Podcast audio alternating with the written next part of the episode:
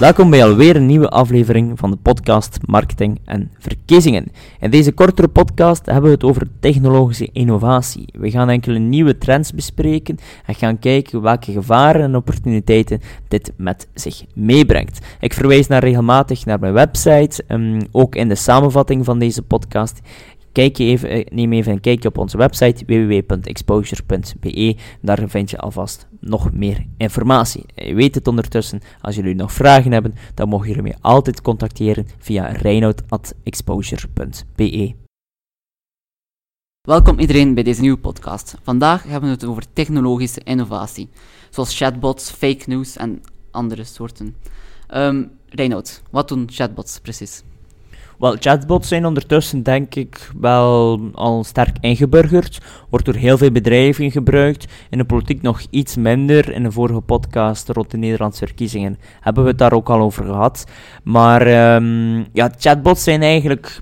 Je hebt, ja, je hebt twee soorten chatbots voor mij. Je hebt de standaard chatbot en je hebt de artificial intelligence chatbot. De standaard chatbot is eigenlijk een soort van meer feedbackformulier. Dus Mensen uh, stellen een vraag, dan krijg je wat opties, dan moet je die opties aanklikken. En op basis van welke woorden je aanklikt, krijg je een ander linkje of krijg je een ander antwoord.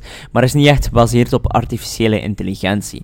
Die chatbots die gaan dan echt je, je proberen je emotie achter te achterhalen, ook wat hij specifiek wilt zeggen op basis van de woorden die je gebruikt. Zij gaan dat allemaal interpreteren en gaan op basis van de interpretatie uh, dan jou eigenlijk een antwoord uh, ja, geven.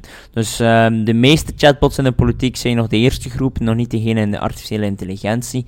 Maar dat is zeker wel iets voor de toekomst dat in de politiek baanbreekt, of toch wel een gamechanger zal zijn, die artificiële intelligentie. Schuilt er dan ook geen gevaar in die chatbots met artificiële intelligentie?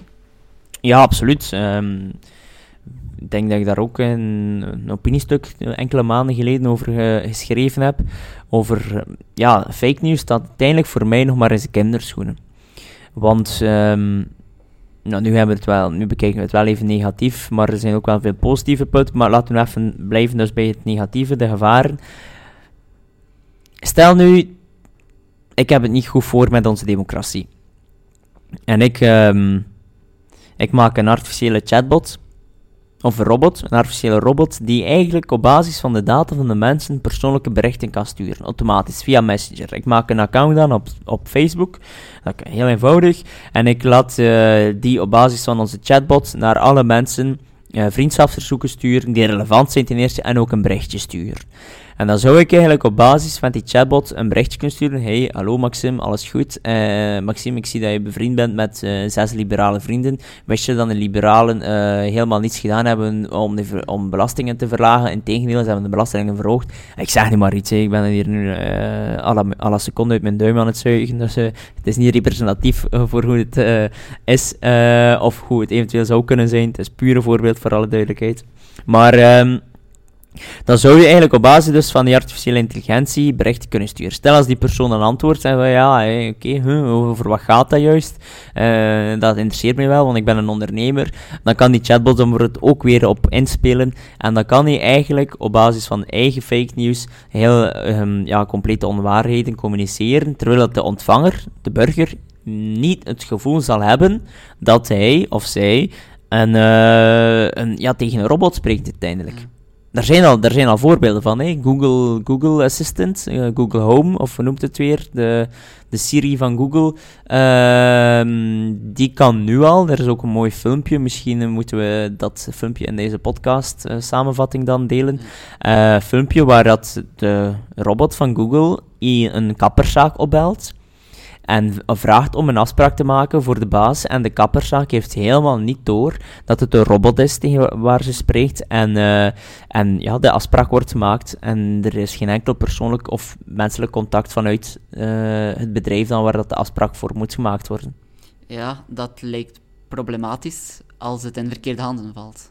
Ja, maar dat is bij alles zo. Hè. Er is bij, bij alles dat ontwikkeld wordt. Um, kan het problematisch lijken als het in verkeerde handen valt. Bij een auto kan je dat ook zeggen. Hè. Een wagen, er zijn genoeg voorbeelden hè, al vandaag de dag.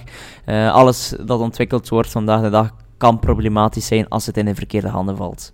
Ja, je kunt het natuurlijk ook in, op positieve manieren gebruiken, vooral voor politici. Hoe kunnen zij die chatbots ehm, op een positieve manier gebruiken? Eerst en vooral, ik zie persoonlijk zelf niet een chatbot als de, het nieuwe politieke goud. Eh, absoluut niet. Want persoonlijk contact, emotie, empathie, integriteit blijft zo belangrijk. Ik weet natuurlijk dat die artificiële intelligentie zo aan het groeien is dat dat misschien zelf wel mogelijk zou kunnen zijn via eh, chatbots. Maar op dit moment is dat nog niet helemaal zo. Of is het veel te duur om te, te proberen. Maar eh, het kan wel voordelen hebben, omdat je die, die ja, bepaalde zaken niet meer moet doen, bepaalde handelingen niet meer zult moeten doen. Je zal veel meer mensen op een eenvoudige manier kunnen informeren. Dat wil zeggen dat je mensen bijvoorbeeld ehm, op maat relevante info kan sturen. Dus geen standpunten over ondernemerschap bij iemand die helemaal geen ondernemer is of ondernemer wilt worden. Maar dan bijvoorbeeld misschien eerder standpunten rond, ehm, rond hoe je jezelf beter kan beschermen als arbeider. Ik zeg nu maar iets opnieuw. Dus eh, dan kan je echt wel aan de hand van die chatbots relevante communicatie sturen. En we weten allemaal dat er vandaag de dag een soort van democratisch deficit is, omdat de gemiddelde burger, ik spreek nu over algemeenheden uiteraard, de gemiddelde burger minder en minder interesse heeft in politiek. En heel vaak komt dat gewoon omdat die niet relevant is. En we zien ook dat heel veel mensen een degoe hebben van politiek, omdat het gewoon te ingewikkeld is. Er wordt te ingewikkeld gecommuniceerd. En die chatbots kunnen dan wel op maat relevante info sturen in de taal die voor de ontvanger ook begrijpbaar is. En dat zorgt er voor mij, dat, dat, dat blijkt ook, relevantie is het sleutelwoord daarin, dat zorgt er dan ook wel voor dat mensen meer interesse zullen tonen. En dat is democratisch gezien dan ook wel weer interessant. Het heeft ook te maken met big data. Die chatbots beschikken over meer data. Ehm, is dat een probleem? Een probleem, big data bedoel je? Wel, dat die chatbots big data kunnen gebruiken om je voorkeuren, om, je, om, in te spelen op, op wie je bent, op je persoonlijkheid. Ja, dat is een ethische, ethische vraag. Ehm, je weet uit de vorige podcast dat ik het altijd moeilijk vind om op te antwoorden, want ja, wie ben ik om te zeggen wat ethisch goed is of fout? Ehm, maar ja, oké, ja, er is een debat nodig daarover, want hoe dan ook zal daar discussie over zijn. Ja. Een ander moeilijk vraagstuk is misschien dat ja, de bedrijven die die bots maken, ehm, Amazon, Google, dat zijn allemaal ja, grote technologische bedrijven, krijgen die niet te veel macht? Mm, Ja, er wordt ook wel, even, er wordt ook wel van gezegd hè, dat dergelijke technologische bedrijven eigenlijk ja, de, de, de machtigste mensen, hè, bedrijven zijn op dit moment. Of zij nu te veel macht krijgen, ehm, dat zal ik aan de luisteraar overlaten, Maxim. Eh, ik, ik, ja, dat, dat laat ik aan de politici over. Ja, we gaan dan even naar de toekomst kijken. Je zei daar straks, fake news eh, staat in de kinderschoenen. Wat mogen we nog allemaal verwachten? Ja, fake news dat is de kinderschoenen, maar laten we het niet te negatief bekijken ook.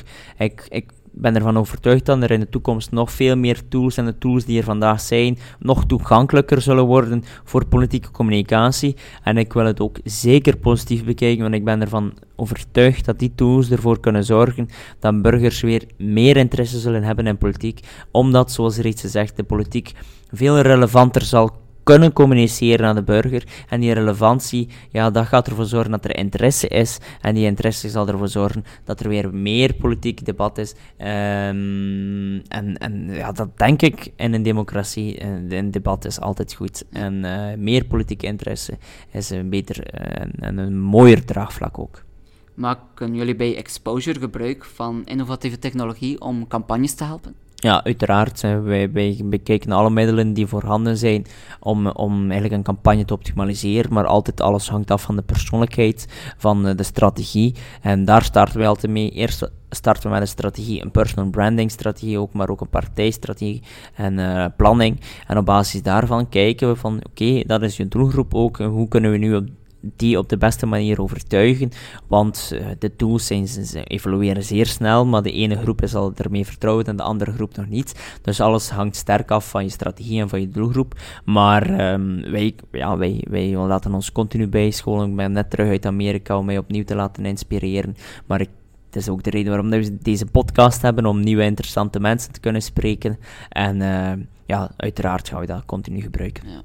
Bedankt Reinoud voor de expertise en daarmee is deze podcast afgesloten. Tot de volgende podcast. Tot de volgende. Hopelijk vonden jullie deze podcast zeer boeiend.